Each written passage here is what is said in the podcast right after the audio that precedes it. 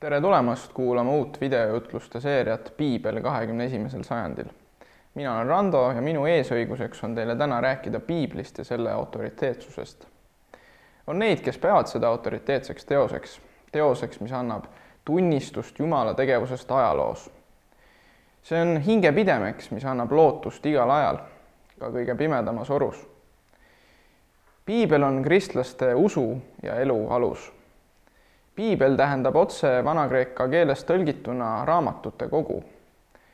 piibli kaanon koosneb kuuekümne kuuest raamatust, mis jaotuvad Vanaks Testamendiks, see kirjeldab Vanalepingu ajastut, ja Uueks Testamendiks, see kirjeldab Uue lepingu ajastut.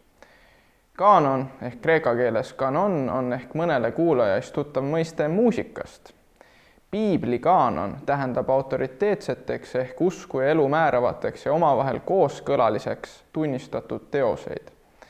ma alustasin piibli tutvustamisega, meeldetuletusega, mis see on, aga ma tahan ka tunnistada, ma olin aastaid tagasi keegi, kes ei pidanud piiblit mitte millekski. ma olin teismeline noormees, kes arvas, et piibliraamatu autoriteetsus ei seisne milleski muus kui kavalate kirikuisade kokkuleppes Rooma impeeriumi võimudega aastal kolmsada kakskümmend viis toonases Nikaia nimelises linnas. miks ma nii arvasin? sest ERR võttis teismelisele Randole näidata Zeitgeisti nimelist libadokumentaali, pakkudes seda tõe pähe. olen olnud kristlane nüüd juba peaaegu kümme aastat ning suhelnud eakaaslastega, mõistan hästi, et minu lugu ei ole tavaline pöördumislugu. ometi, kui sa ka kristlane pole ning kui sa ka Zeitgeisti näinud pole, siis vaatamata sellele sa piibliraamatust suurt lugu ei pea ja miks peakski lugu pidama? see küsimus saab täna vastatud läbi kahe tõsiasja. esiteks, piibel on autoriteetne Jeesuse tõttu. ja teine, piibli autoriteetsust kõrvale jättes või eitades on oht jätta kõrvale ajaülene ja ajaproovis läbi katsutud tarkus. esimene tõsiasi ma ei tea, mida sa tead iidsest õpetajast nimega Jeesus, ma isegi ei tea, mida sa tead esimestest või tänastest kristlastest ja ma ei tea, kas sul on olnud kristlastega üldse kokkupuudet. minu esimene kokkupuude kristlastega oli kahe tuhande, kahe tuhandenda kaheksandal aastal, äh, kui kohtusin oma bändikontserdil Jakob Remmeliga. ja Jakob Remmelist sai kahe tuhande kümnendal aastal 3D koguduse rajaja. nagu ma sissejuhatavas osas mainisin, ma olin toona teismeline, kes arvas, et piibel ja sealne jutt Jeesusest on väljamõeldis ja mitte, et see oleks süütu muinasjutt, vaid see on kõige hullem vale, mis inimkonnale eales pähe on määritud. mina ei olnud kunagi kristlastega kohtunud, minul ei olnud keegi Jeesusest ega usust teadlikult midagi rääkinud. tagasivaatavalt irooniliselt väljendudes võib öelda, et ma alustasin tol perioodil suurt kuulutustööd lootuses, et võin sellele omale Jumala välja mõelnud kristlasele kätte juhatada veel ülevama tee ma uskusin, et see tee, mida mina käin, on vabaduse tee. elu ilma ühegi moraalistandardita, elu ilma kahetsuseta, vaba elu ja teekond naudingute keskel. kuigi esmakohtumisest Jakobiga täpselt ei mäleta ma midagi, siis tean, et järgmistel kohtumistel jagas ta mulle julgelt Jeesusest ja tema õpetusest. tema suunamisel lugesin esimest korda ajalookriitilist kirjandust, mis käsitles esimest sajandit. sealsete autorite püstitatud küsimus, kes on Jeesus, jäi mind kummitama enne kui jätkan oma looga, tahan korraks tulla veel oma tausta juurde. põhikoolis jättis minu ajalooõpetaja algkristluse teema käsitlemata, kuigi peatükid olid õpikus olemas. ma ei pane seda otsust talle pahaks, see oli tema õigus õpetajana otsustada, aga see on fakt minu elust samal ajal paralleelselt teisest autoriteetsest allikast, Eesti Rahvusringhäälingust, Zeitgeisti nähes joonistus mulle pilt, et Jeesust polnud olemas või kui oli, siis oli ta üks vähetähtis juudi mees, kellest kirikuisad ja toonased võimurid Rooma impeeriumis äh, lõid vale lootuse, et masse korrale kutsuda. ja lugedes siis iseseisvalt antiikajalugu, nägin, et Jeesusest räägivad mitmed ajaloolased, kel puudus kristlik pühendumiskohustus. ma loetlen neist mõned ette. Tallus, Mara bar Josephus Flavius ja Tacitus, kes käsitles saja kuueteistkümnendal, saja seitsmeteistkümnendal aastal, kuuekümne neljandal aastal toimunud suurpõlengut ja selle väidetavat põhjust ehk kristlaseid ja ta mainib seal pahaloomulise lahkusu tekitajana Jeesust. samuti Talmud, mis on koostatud seitsmekümnendatest kuni kahesaja kahekümnendate aastateni, käsitleb Jeesust kui valeprohvetit. saades asu, aru, et Jeesus on ajalooline isik, ei muutunud mu käitumine, aga mu vaated muutusid küpsemaks elulaadi ja käitumise täielik muutumine tuli esile, kui ma mõistsin, et kriitilisemadki uurijad on veendunud, et kõik Uude Testamendi kaanonisse võetud kirjad ja teosed on kirjutatud esimesel sajandil ehk Jeesuse ja apostlite tegevuse perioodil. ma sain aru, et käsikirjad on vanemad kui Nikaia kirikukogu ja see tõi esile minu mõtlemises täieliku paradigma muutuse. See muutis minu suhtumise piiblisse ja Jumala tegevusse ajaloos kui varem vaatasin Uue Testamendi peale kriitiliselt, siis nüüd olin hakanud lugema seda usaldusväärsena. ja see küsimus, kes on Jeesus, tõstatub täna ka esile. see ei ole küll peateema, aga kui me räägime piibli autoriteetsusest, siis just nimelt Jeesuse persoon on see, kes avab meile piibli mõistmise. ma teen nüüd sammu veel edasi, rääkides konkreetselt Jeesusest. Kui Jeesus tõepoolest tõusis surnuist üles, siis on väärt iga sõna pühades kirjades niisamuti iga tema sõna piibli autoriteetsuse ja selle olemuse kohta. nii veenas mind mõtlema esimese Korintuse viieteistkümnes peatükk, kus Apostel Paulus kuulutab.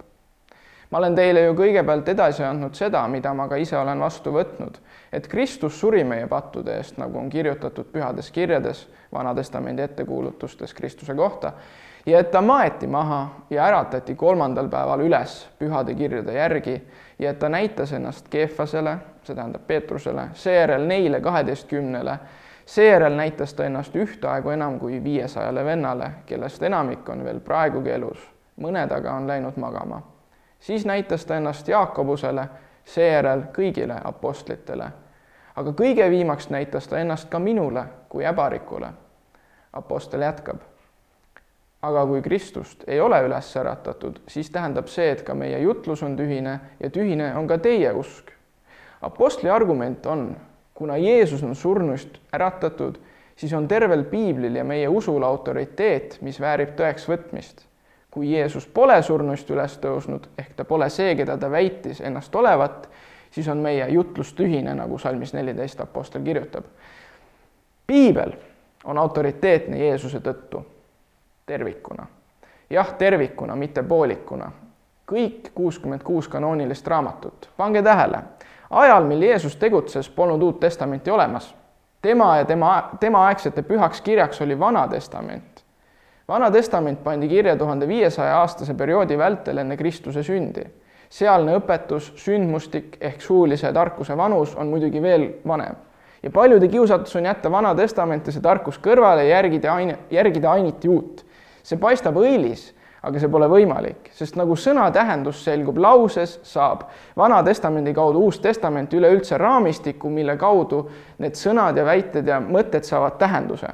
niivõrd oluline on piibli autoriteedi teemal ka pidada silmas, et kui Jeesus tõusis surnust üles, siis on tema see igavene Jumal, kelle vaim inspireeris nii Vana kui Uue Testamendi kirjutajaid Jumal, kes muistselpäevil kõneles mitmel viisil ja nüüd päevade lõpul pojana, on Jeesus Kristus, nagu ütleb autor kirjas heebrealastele esimeses peatükis. veel autoriteetsuse teemal on äh, seoses Jeesusega oluline see, et tema puhul me ei leia väiteid Kreeka-Rooma filosoofidele, viiteid. See tõik muidugi ei tähenda, et Jeesus pidas kogu Kreeka-Rooma filosoofiat täiesti valeks, aga mina keskendun sellele, mille kohta meil on kindel teave. ja tema äh, vaat-, vaadetele piibli kohta me saame läbi tema diskussioonide ja suhtlemise aimu. suheldes rabidega, õpetlastega, inimestega, kasutas ta peamiselt kahte võtet. esiteks küsimuste küsimine ja teiseks piibli peast tsiteerimine. Need võtted olid, kas te ei ole piiblit lugenud ja teine, kirjutatud on. Muidugi olid toonased inimesed või, või siis äh, laiemalt lugenud või siis vähemalt kuulnud, aga mitte nii, nagu peab Jeesuse hinnangul piiblit lugema teiseks ei ole vähem oluline, et äh, tuleb mõista piiblit kontekstis ja sellest teemast piibli mõistmine räägib järgmisel korral teile Johanna Rosenvald. veel ääremärkusena tänases kõnes tahan tuua Nikaia kirikukogu korraks teemaks. kuigi Uue Testamendi jutustus oli ammu enne kirjas kui aastanumber kolmsada kakskümmend viis ja nende kirjade vanust ja lugude vanust tunnistatud ammu varem, siis Nikaia kirikukogul on oluline roll kristlastena me usume, et igas kristlases elab püha vaim. aga mida lähemal elasid inimesed Jeesusele, seda usaldusväärsemaks saab pidada nende veendumusi Kristuse suhtes. see muidugi ei ole minu üleskutse alluda igale kristlasest mõtlejale teisest-neljandast sajandist. Nende nagu ka minu hindamine käib vastavalt Kristuse enda sõnadele. Pigem viitan tõigale, et koguduste juhid on seatud ametisse kui Kristuse teenrid, keda juhatab püha vaim Nikaia kirikukogul on oluline roll, sest seal kinnitati erinevate kristlaste vahel ühiselt, oikumeeniliselt, ametlikult piibellik õpetus kolmainsusest. Jumal on üks, siiski isa, poeg ja püha vaim.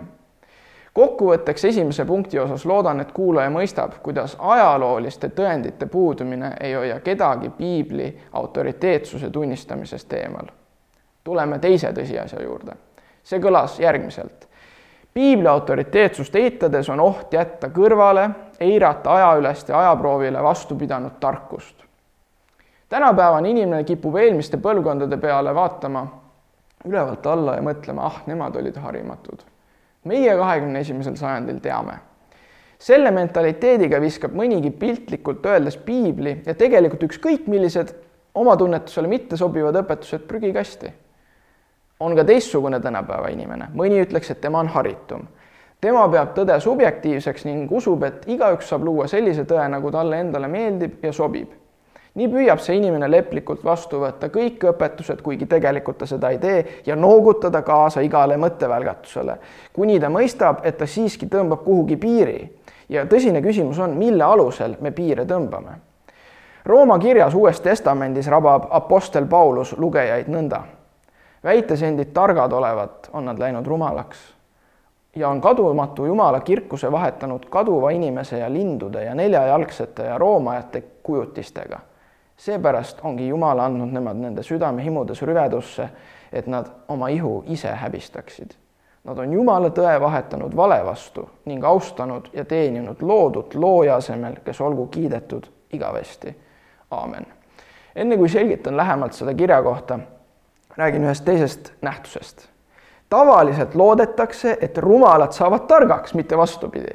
isad ja emad, mina olen ka isa, me tahame oma lastele parimat, mõnikord tahab üks vanem ühte, teine teist. õpetaja, õpetajad tahavad oma õpilastele parimat, mõnikord tahab üks õpetaja ühte ja teine õpetaja teist.